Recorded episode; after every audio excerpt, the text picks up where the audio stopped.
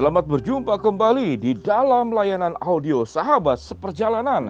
Hari ini adalah hari Rabu, 3 Februari 2021. Tema renungan dan saat teduh kita dengan judul Cara Menyelesaikan Masalah. Cara menyelesaikan masalah. Firman Tuhan terambil dalam 1 Korintus 10 ayat 13. Demikian bunyi firman Allah. Pencobaan-pencobaan yang kamu alami ialah pencobaan-pencobaan biasa. Kalau pencobaan kita ganti dengan masalah, masalah-masalah yang kamu alami ialah masalah-masalah biasa yang tidak akan melebihi kekuatan manusia. Sebab Allah setia dan karena itu ia tidak akan membiarkan kamu dicobai melampaui kekuatanmu. Mari kita berdoa.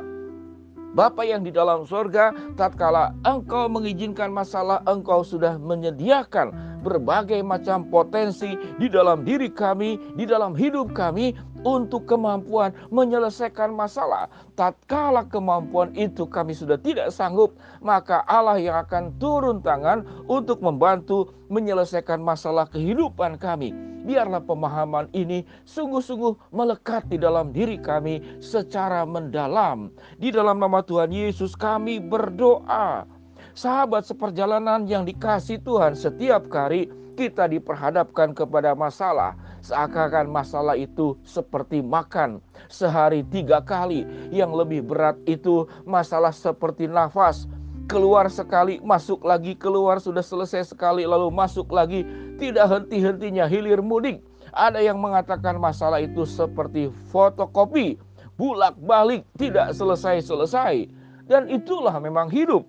Selama kita hidup di dalam dunia, kita akan diperhadapkan kepada masalah.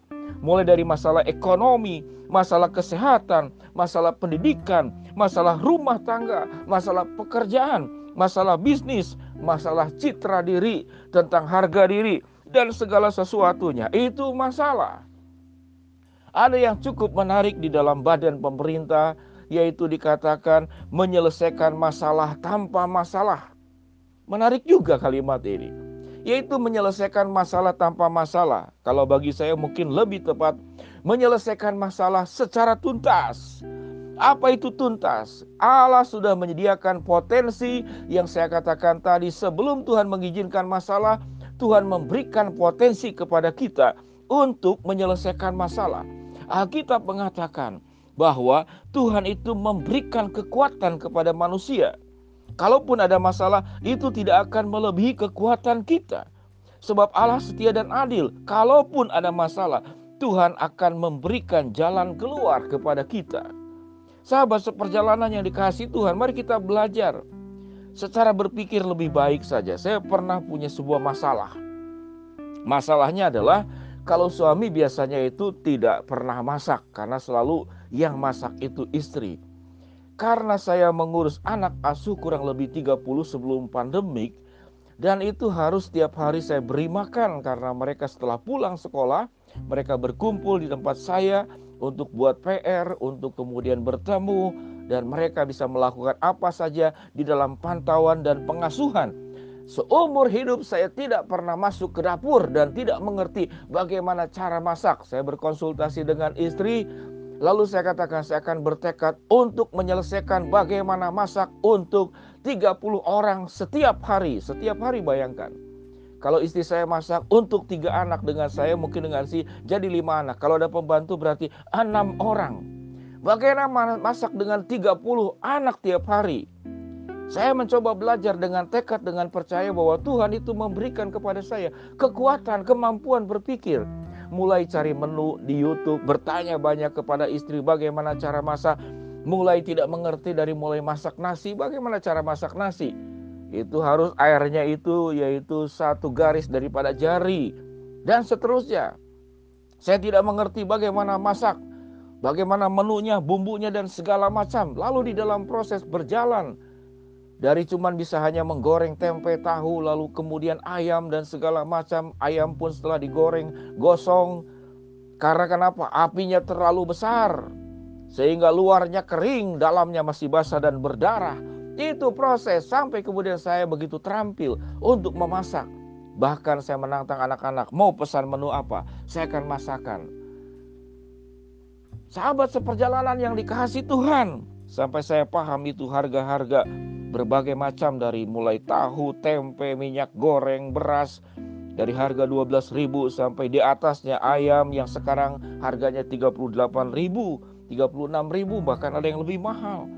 Sahabat seperjalanan yang dikasih Tuhan, bahwa Allah sudah memberikan hikmat, Allah sudah memberikan kepandaian, Allah sudah memberikan kecerdasan, potensi itu ada di dalam diri kita. Namun kalau kita tidak olah, kita tidak kemudian seperti talenta yang satu talenta diolah jadi dua. Kalau engkau sudah dua akan diolah jadi empat.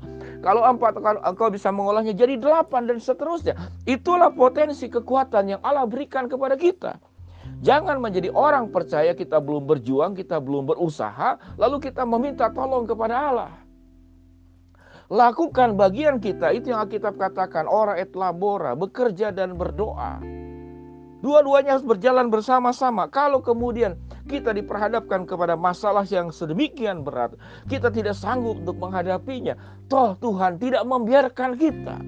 Bagaimana Allah, bagaimana Yesus membuat Petrus bisa berjalan di atas air. Bagaimana Sadra Abad Nego berada di dalam perapian tidak terbakar. Bagaimana Musa melewati laut teberau kalau sudah tidak sanggup lagi. Allah kemudian turun tangan menyelesaikan masalah-masalah hidup kita itu sampai tuntas. Sahabat seperjalanan yang dikasih Tuhan. Kalau engkau boleh bertanya atau engkau boleh menyampaikan apa yang menjadi masalah dalam kehidupan kita. Pasti engkau boleh, eh, mungkin engkau berkata, ya Pak Pendeta ngomong enak saja, Pak Pendeta tidak mengalami, saya yang mengalami. Betul. Tapi juga saya juga mengalami masalah yang sahabat seperjalannya juga tidak alami. Setiap orang punya problem masalah yang berbeda-beda dan bergumul. Namun Allah sudah memberikan hikmat kepada kita. Allah sudah memberikan kecerdasan kepada kita. Berjuanglah sebisanya, kerja keras, cari solusi, kerjasama, cari sumber-sumber yang bisa menolong kita dari para ahli. Kalau Anda punya masalah kepribadian, cari psikolog. Anda punya masalah kesehatan, tidak punya uang, ah, punya kuota. Silakan Anda mencari berbagai macam sumber bagaimana hidup sehat di Google. Kalau kemudian kita boleh bertanya kepada orang-orang yang ada di sekitar kita, tidak selalu harus kita harus kita bayar. Terkadang kalau kita bertanya, saya sering-sering tidak pernah membayar karena kita bertanya. Kita mau belajar bagaimana menjadi lebih baik. Tak kala orang itu punya kelebihan, punya potensi, punya kekuatan, lalu kita punya keinginan belajar yang sungguh-sungguh dan tulus, biasanya orang dengan senang hati untuk menolong kita, bagaimana punya keterampilan di dalam hidup ini untuk menyelesaikan masalah.